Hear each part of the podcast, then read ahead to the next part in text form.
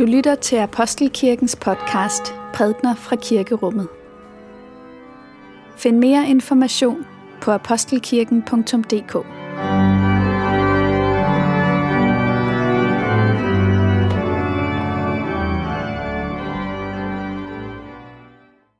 Godmorgen og velmødt til gudstjeneste her i Apostelkirken. Det er i dag 18. søndag efter Trinitatis, men i disse uger er vi i gang med et forkyndelsestema, så vi dispenserer fra de foreskrevne tekstrækker og er nået til tredje gudstjeneste i en serie, der gennemgår Ruts bog. Ruts bog, som jo er den her beretning fra det gamle testamente om Noomi, der må flygte på grund af hungersnød, og siden vender tilbage efter at have mistet sin mand og sine sønner med Ruth, sin svigerdatter, og så er det historien om, hvordan øh, hun øh, oplever at blive integreret i Guds folk og bliver en del af den store historie om Kristus og Messias, der kommer til verden. I dag er vi nået til den tredje og sidste del af den fortælling, og temaet, som I kan se af gudstjenestefolderen, er evigheden og de nære. Og i dag er det så Boris, vi skal høre om. Og prædikant i dag, det er Barbara Jackson. Barbara og Stu er en del af menigheden og kommer her sammen med deres to børn, William og Eloise. Og det er en glæde for os at øh, skulle lytte til, hvad øh, Barbara har at sige til os i dag ud fra Boris-skikkelsen. Prædikenen bliver på engelsk, og det betyder, at der bliver mulighed for at få prædikenen i dansk oversættelse. Hvis der er nogen her i menigheden, som øh, kunne tænke sig at få prædikenen i dansk oversættelse via headset, så ræk en hånd i vejret, så vil vores kirketjener Bergur komme med et øh, apparat, så man kan følge med i gudstjenesten, eller i prædikenen på dansk. Selve øh, gudstjenesteliturgien øh, bliver ellers på øh, dansk. Den første læsning er fra Paulus' brev til Efeserbrevet. Undskyld, Paulus' brev til Efeserne. Det er en del af den bøn, som han beder for menigheden, hvor i nogle af de temaer, som vi møder i beretningen om Boas, også kommer til syne. Derfor bøjer jeg mine knæ for faderen, efter hvem hvert fædrene hus i himlen og på jorden har navn, og beder om, at han i sin herligheds rigdom med kraft vil give jer at styrkes i det indre menneske ved hans ånd. At Kristus ved troen må bo i jeres hjerter, og I være rodfæstet og grundfæstet i kærlighed, så at I sammen med alle de hellige får styrke til at fatte, hvor stor bredden og længden og højden og dybden er, og til at kende Kristi kærlighed, som overgår al erkendelse, så I fyldes til hele Guds fylde nås. Ham, som formår med sin kraft, der virker i os, at gøre langt ud over alt, hvad vi beder om eller forstår. Ham vær ære i kirken og i Kristus Jesus i alle slægtled til i evighedernes evighed. Amen.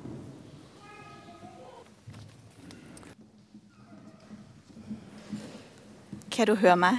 Er det okay? Perfekt. Um, I am very sorry that I do not speak Danish well enough to do this in Danish, so it will be in English. Um, but thank you very much for inviting me to be here and to think about the story of Ruth with you today. Um, I don't know if you have ever thought about this question, but if you were God, how would you have chosen to communicate about yourself to humanity? And if you had come up with the idea of communicating through a book like the Bible, how would you have done it? Maybe many chapters with to do lists and what not to do lists. Maybe scientific explanations of the world, or maybe philosophical treaties. But God has given us a story about Himself and his people. Because as humans, we were made for story. not for how to lists. The author, Eugene Peterson, describes the biblical way like this. He says, The biblical way is to tell a story and then invite us, grow into this. This is what true living looks like in this world. So God invites us into the story, to live in His story, to find ourselves in His story. And I hope that you have lived in and through the story of Ruth a little bit in these last two weeks. Maybe some of you have found yourselves in Naomi's story. Maybe some of you have found yourselves in Ruth's story. And maybe today some of you will find yourselves in Boaz's story. Boaz is not a part of the story from the very beginning he gets invited into the story when Ruth appears in his field one day. Before the author describes this first meeting between Boaz and Ruth, he lets us know a few significant details about who Boaz is. He is a relative of Naomi's husband, Elimelech. The author calls him a man of standing or valor which in the Hebrew carries this meaning of a hero. He could very well have been a military leader during this time of the judges, since he is also a descendant of one of Judah's tribal leaders. He is a landowner who is about to bring in his harvest, and he is a respected leader in the community. We know that he observes the laws of Moses because he is allowing gleaners in his fields. And when it turns out that Ruth finds herself working in a field belonging to Boaz, her presence and her bold request invite him into the story. I will read a bit about how the author describes this first meeting. Just then, Boaz arrived from Bethlehem and greeted the harvesters. The Lord be with you. The Lord bless you, they called back. Boaz asked the foreman of his harvesters, Whose young woman is that? The foreman replied, She is the Moabitess who came back from Moab with Naomi. She said, Please let me glean and gather among the sheaves behind the harvesters. She went into the field and has worked steadily from morning till now, except for a short rest in the shelter. Ruth's request is bold because she is asking for much more than what was common practice at the time. Typically, gleaners were allowed to pick up what was left after the harvesters had cut the grain and the servant women had bundled the grain. Ruth, however, is asking to pick up right behind the harvesters. How will Boaz respond to such a request? Let me read on. So Boaz said to Ruth, My daughter, listen to me. Don't go and glean in another field, and don't go away from here. Stay here with my servant girls. Watch the field where the men are harvesting, and follow along. I have told the men not to touch you. And whenever you are thirsty, go and get a drink from the water jars the men have filled. At this, Ruth bowed down with her face to the ground. She exclaimed, Why have I found such favor in your eyes that you notice me, a foreigner? Boaz replied, I have been told all about what you have done for your mother in law since the death of your husband, how you left your father and mother and your homeland and came to live with a people you did not know before. May the Lord repay you for what you have done. May you be rightly rewarded by the Lord, the God of Israel, under whose wings you have come to take refuge. I have found favor in your eyes, my Lord, she said. You have given me comfort and have spoken kindly to your servant, though I do not have the standing of one of your servant girls. At mealtime, Boaz said to her, Come over here, have some bread, and dip it in the wine vinegar. When she sat down with the harvesters, he offered her some roasted grain. She ate all she wanted and had some left over. As she got up to glean, Boaz gave orders to his men Let her glean even among the sheaves, and do not reproach her. Also, pull out some stalks for her from the bundles and leave them for her to pick up, and don't rebuke her. How does Boaz respond to her request? Boaz responds to Ruth's unorthodox request by inviting her in. We see this beautiful progression of how he takes one step after another to bring her in. He invites her into his field, from the edge of the field to the heart of it, from scarcity to abundance, from the rough working environment of the gleaners into the safety of his protection where she can do her work with dignity. Then he goes one step further and invites her to the table, a Moabitess among Israelites. And when we think about the news today and yesterday, it makes us realize how, how real this is. An enemy brought into the inner circle, a woman among men, a poor gleaner among the harvesters an outsider brought in. Boaz gives us a glimpse of how Jesus invites us into his sanctuary. And he paints a picture of who is seated around Jesus' table. After the meal, Boaz instructs his harvesters to purposefully leave behind grain for Ruth to gather. He makes sure that Ruth will be able to bring home more than enough an act of great generosity, ensuring her success. Boaz goes above and beyond Ruth's request. He responds to her invitation and enters the story. And he doesn't do that half heartedly. He takes matters into his own hands. He doesn't call the Bethlehem Social Services he responds with extraordinary kindness and generosity in a way that completely surprises Ruth and becomes a turning point for Naomi.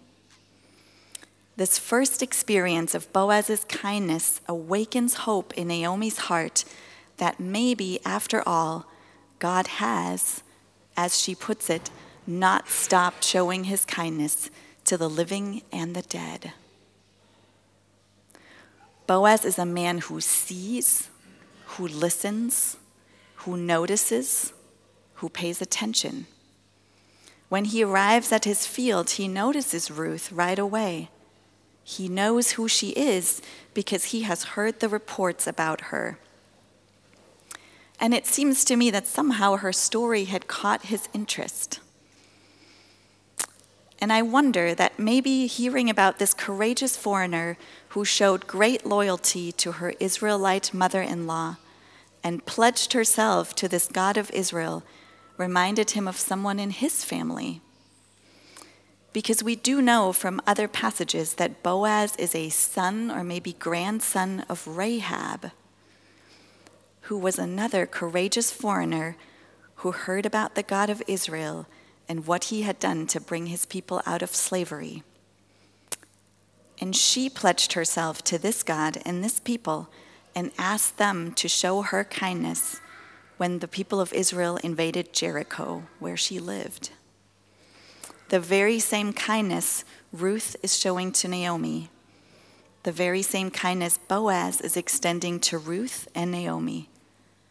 Another foreigner who ends up in the line of the Davidic kings.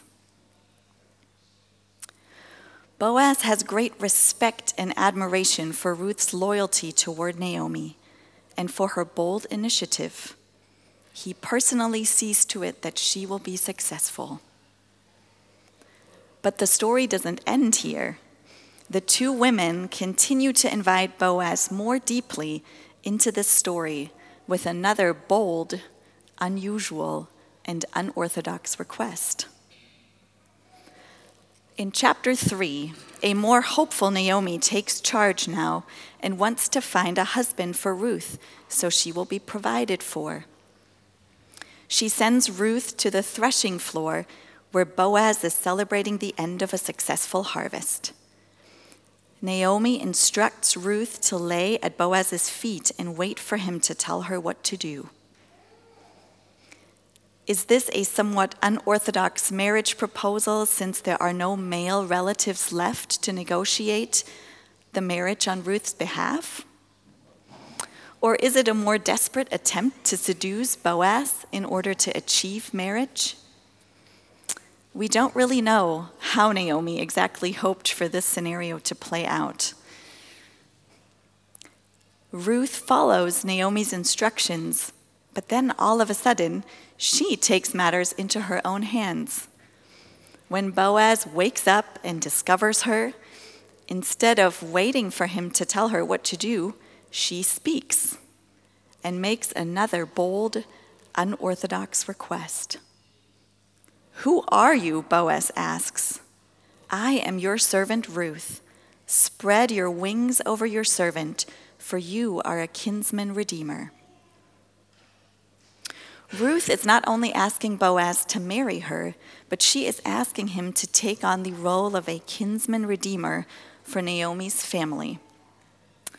Referring to two different Old Testament laws, she is asking him to both purchase the land that belongs to Naomi's husband and to marry her with the hope of fathering a son who would then carry on the family name of Naomi's husband. How will Boaz respond to this request? Doing what Ruth is asking him to do would deeply affect his life. And we don't fully know, commentators have different opinions, but it might require great financial sacrifice and it might endanger his own estate and family. And here, Boaz has the perfect opportunity to, exit the story because it turns out that he is not the closest relative. He could easily say, Sorry, this is not my responsibility. You are talking to the wrong relative. But Boaz does the opposite. He doesn't just step further into the story, I would say he jumps in. In fact, he seems to be thrilled that Ruth is inviting him into this next step and he seems quite shocked at her kindness. He responds to her with the greatest respect and admiration. His admiration runs so deep that he exclaims, I will do for you all you ask, because everyone in this town knows that you are a woman of valor. He uses the same Hebrew phrase that the author used earlier to describe Boaz strong, loyal, courageous, just as my friend Zala depicted Ruth in this woodcut. In a way, we could call the woodcut Ruth as seen through Boaz's eyes. In Boaz's eyes, Ruth is a heroine. And so Boaz takes action, or as Naomi puts it, he doesn't rest until the matter is settled today. He negotiates with the other relative in the town gate, and we get the sense that he uses some clever tactics to get the other relative to abdicate his responsibility. It works, and Boaz announces that he will marry Ruth in order to maintain the name of the dead and buy Naomi's property. At the end of the story, Naomi holds Ruth and Boaz's son who will not only secure her own family's future, but the future of all of Israel. how did God invite Boaz into this story? Through his family history, through Ruth's actions, through simple circumstances. She just showed up in his field. Boaz sees invitations, not interruptions. Invitations into seemingly ordinary circumstances that have eternal significance. Boaz's kindness and generosity make God's eternal love real and tangible to Naomi and Ruth. The warmth of his care seems to melt away that cold bitterness in Naomi's heart. The way he shields and protects Ruth assures her that this God of Israel sees her and cares for her, that she can indeed find refuge under his wings. What's so interesting to me is that in this story, God never steps directly in to speak to Naomi or to Ruth or to act on their behalf. There is no miracle, no miraculous intervention. But all three of the main characters step into each other's lives. Boaz brings God's eternal kindness and generosity into the real life circumstances of his neighbors, into the seemingly insignificant lives of a widow and a foreigner. He has no idea that one of the descendants of his marriage with Ruth will be God Himself, bringing His eternal kindness and generosity into this world in the most radical way. By stepping into the story, Boaz enters into this beautiful partnership with Ruth and Naomi. They work together to save this family.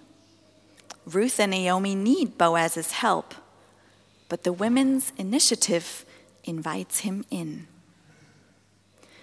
In his letter to the Corinthians, the Apostle Paul describes our relationship with God as a working partnership. He calls us God's fellow workers. We are not only God's beloved children, but we are, in fact, co workers working alongside each other in this great story of God's kingdom. When I read the story of Naomi, Ruth, and Boaz, I can't help but think that this is a beautiful picture of such a working relationship. God not only invites us into the story, He invites us to work with Him to bring His eternal kindness and generosity to those nearest to us. He values our initiative, our ideas, and even our bold, unorthodox requests. Amen. Lad os bede. Vi takker dig, Gud, at du inviterer os til at tage del i den historie, du fortæller. Hjælp os til, som Boas, at have tillid til, at de mennesker, vi møder på vores vej, har betydning. Giv os mod til at træde ind i din historie, og tilgiv os, når vi har regnet noget for en forstyrrelse, som i virkeligheden var en invitation fra dig. Giv os mod til at tro, at også til syneladende ubetydelige handlinger bærer evigheden i sig. Hjælp os til at se, hvor du inviterer os til at træde ind i historien. Gennem vores evner og ressourcer, vores familiehistorie, vores relationer eller et andet menneske som Ruth. Må vi leve sådan, at historien om din barmhjertighed bliver omsat i levet menneskeliv. 3 søndage fordybede os i Ruths bog og beretningen om Naomi, Ruth og Boas, ud fra temaet Det evige i de nære. Altså tanken om, at det her det er en historie om to kvinder på flugt. Det er også historien om en familie, og så er det historien om, hvordan at det at tage de nære relationer alvorligt faktisk kan bringe evigheden ind i en familie og til et folk. Og det har været med tanke på, at vi kan spejle vores liv i det, at vi også kan få tro på, at evigheden er på spil i vores liv og i de relationer, vi står i. At det hele er en forsmag, ligesom historien om Rudjo er en forhistorie til den store historie om Messias, som kom for at forsone Gud og mennesket igen. Og nu skal vi fejre nadvar. Og nadvaren er også en forsmag. Det er en forsmag på den konsumation, den fuldendelse af vores liv her på jorden, som vi tror kommer en gang ved tidens ende, da vi skal være hos Gud og med Gud. Og tage del i det store festmåltid, som vi hører skal være for enden af vores vandring. Så velkommen til nadvar.